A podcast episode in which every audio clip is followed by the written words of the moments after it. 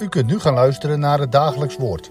Dit is iedere maandag tot en met vrijdag om 10 uur, 3 uur en s'avonds om 7 uur. Deze meditatie wordt verzorgd door dominee Heikoop.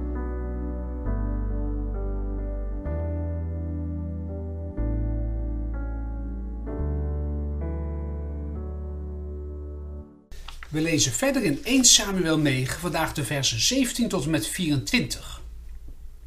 Hiervoor hoorden we dat het volk Israël, net als de andere volken van de wereld, een koning wil. En dat de Heere hun verlangen inwilligt. Daartoe is in dit negende hoofdstuk Saul geïntroduceerd. De zoon van Kis, een rijke herenboer uit de stam Benjamin. Hij is een knappe jongeman die met zijn grote lengte boven de meeste mensen uitsteekt. Prachtig wordt in dit hoofdstuk verwoord hoe zijn weg naar de troon gaat. Saul zal door Salomo gezalfd worden tot de eerste koning van Israël.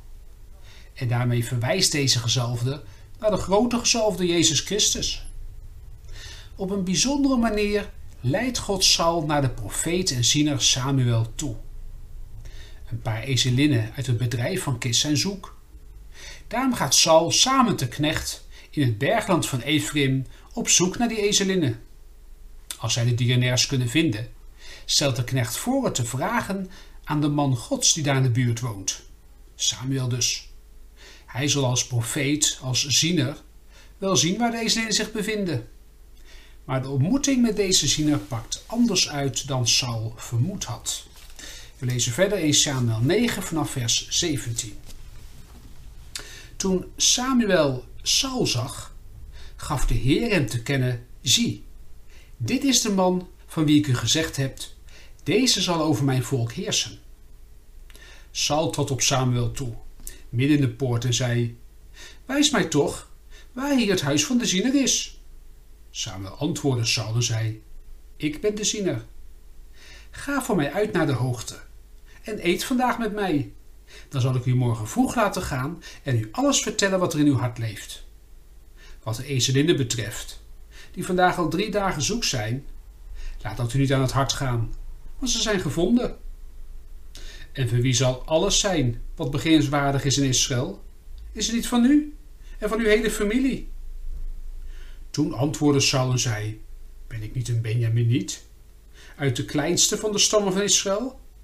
En is mijn geslacht niet het geringste van al die geslachten uit de stam van Benjamin? Waarom spreekt u mij dan aan met zulke woorden?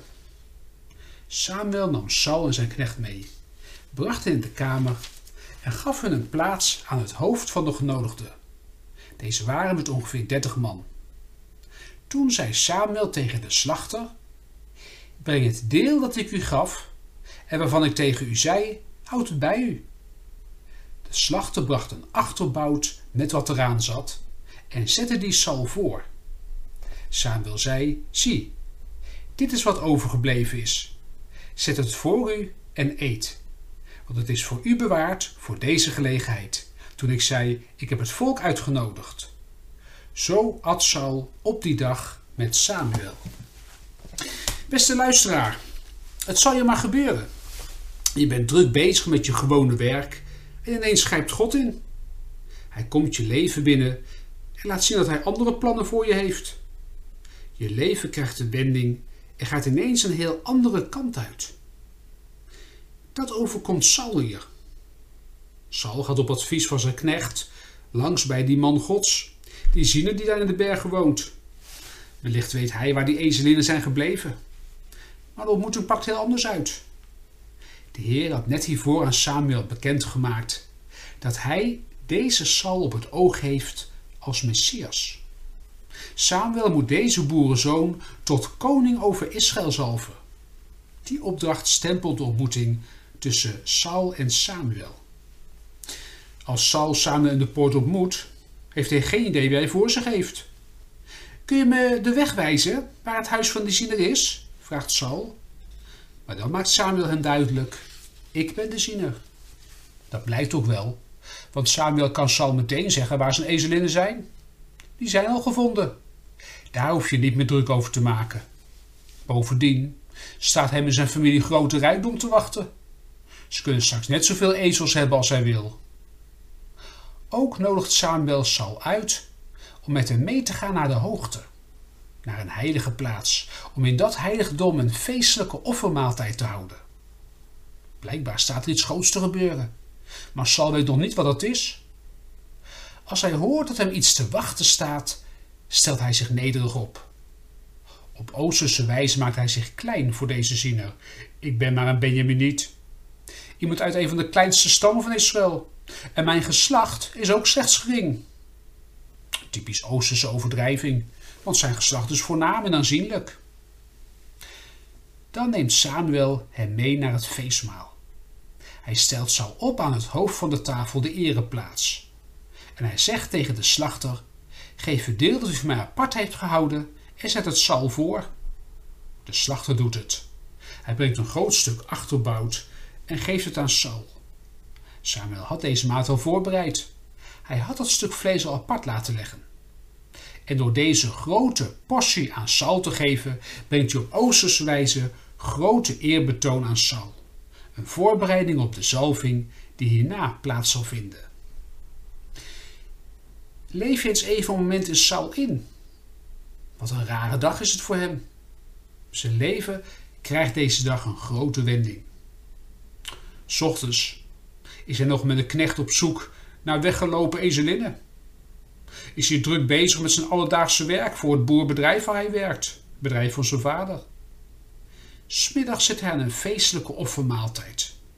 Samen met Saul en een aantal oudsten van de stad. Er zit duidelijk iets groots aan te komen. Want hij zit op de ereplaats. Iets wat in die cultuur van groot belang werd gezien. Er wordt ook met een grote portie vlees geëerd. Misschien heb jij ook wel zo'n wending in je leven meegemaakt. Een dag die heel anders liep dan je verwacht had. Het ene moment ben je bezig met je gewone werk, het werk van alle dag. Het volgende moment blijkt dat God een bepaalde weg met je gaat. Hij brengt mensen, gebeurtenissen op je weg die je leven ingrijpend zullen gaan bepalen. Hij brengt die ene man of vrouw op je pad die later je partner zal worden, met wie je je leven zal delen. Of hij brengt ineens heel ander werk op je pad. Je zag het niet aankomen. Maar voor je het wist, zat je in een heel andere werksfeer. Of hij roept je ineens tot ambtsdrager. En je moet verantwoordelijkheid dragen in de gemeente. Je vraagt je af, is dat wel wat voor mij? Kan ik dat wel? Op allerlei manieren kan God ineens in je leven ingrijpen. Op die ene dag gebeurden er dingen waardoor je leven op een ander spoor terecht kwam. Wat begon als een gewone dag, eindigt in een heel nieuwe fase, waarin God je leven een andere kant uitstuurt. Zoiets gebeurt hier met Saul. In de komende Bijbelversen zal hij door Samuel gezalfd worden tot koning. Maar hier in deze ontmoeting vindt de wending al plaats. Saul overziet nog niet wat er gaat gebeuren. Maar de wissel is al om. God leidt zijn leven een heel andere kant op. In de komende uitzending van Dagelijks Woord zullen we daar uitgebreid bij worden stilgestaan. Nog één ding, maar dat is wel het belangrijkste ding. Ook deze Bijbelse geschiedenis wijst ons op de Heer Jezus. Deze gezalfde Saul wijst vooruit naar de grote gezalfde, de Messias. Deze eerste koning van Israël wijst vooruit op de grote koning Jezus. Sauls leven veranderde drastisch toen hij de profeet Samuel ontmoette. En zo zal ook Jezus leven drastisch veranderen als hij de profeet Johannes, de doper, ontmoet. Want zoals Samuel Saul zal zalven tot koning, zo heeft Johannes Jezus gezalfd, door hem te dopen in de Jordaan. Voor beiden was dat de wending in hun leven. En zoals Saul zich hier bescheiden opstelt, als de minste van de stam Benjamin, zo zal Christus zich als de minste opstellen. En bij de maaltijd zelfs de voeten van de discipelen wassen. Saul zal straks als koning regeren over Israël en voor hen strijden. Jezus regeert over zijn volk Israël en over alle die bij hen worden ingelijfd en heeft voor hen gestreden. Saul schot tekort als koning. Hij vertrouwde meer op andere dingen dan op God. Jezus heeft zijn roeping wel vervuld. Hij is de ware Israëliet, die door zijn gehoorzaamheid aan God, tot de dood aan het kruis toe, de weg tot God gebaand heeft. Hij zit nu op de troon in de hemel. En daar vandaan leidt hij het leven van zijn onderdanen. En aan zijn rijk zal geen einde komen. Laten we samen bidden. Heer, wat gaat u soms wonderlijk met ons om? Wat kunt u ons leven soms ja, op een bijzondere manier leiden? Ook in ons leven zijn er soms dingen, brengt u gebeurtenissen in ons leven, brengt u mensen in ons leven, waardoor ons leven een heel andere kant op gaat. Wij danken u, Heer, dat we weten mogen, u bent het die ons leven leidt. En wij danken u ook voor de grote Messias, Jezus Christus, naar wie Saul uitwijst. Maar waar Saul tekortschoot, bent u, Heer Jezus, niet tekortgeschoten. U bent de weg, de waarheid en het leven. Bij u is behoud te vinden, eeuwig behoud. Bij u mogen we steeds opnieuw, naar u mogen we steeds opnieuw toekomen. Dat het ook ons helpt om dat ook vandaag te doen. Ga ons voor en leid ons. Dat bidden wij u uit genade in de vergeving van onze zonden, om Jezus wil. Amen.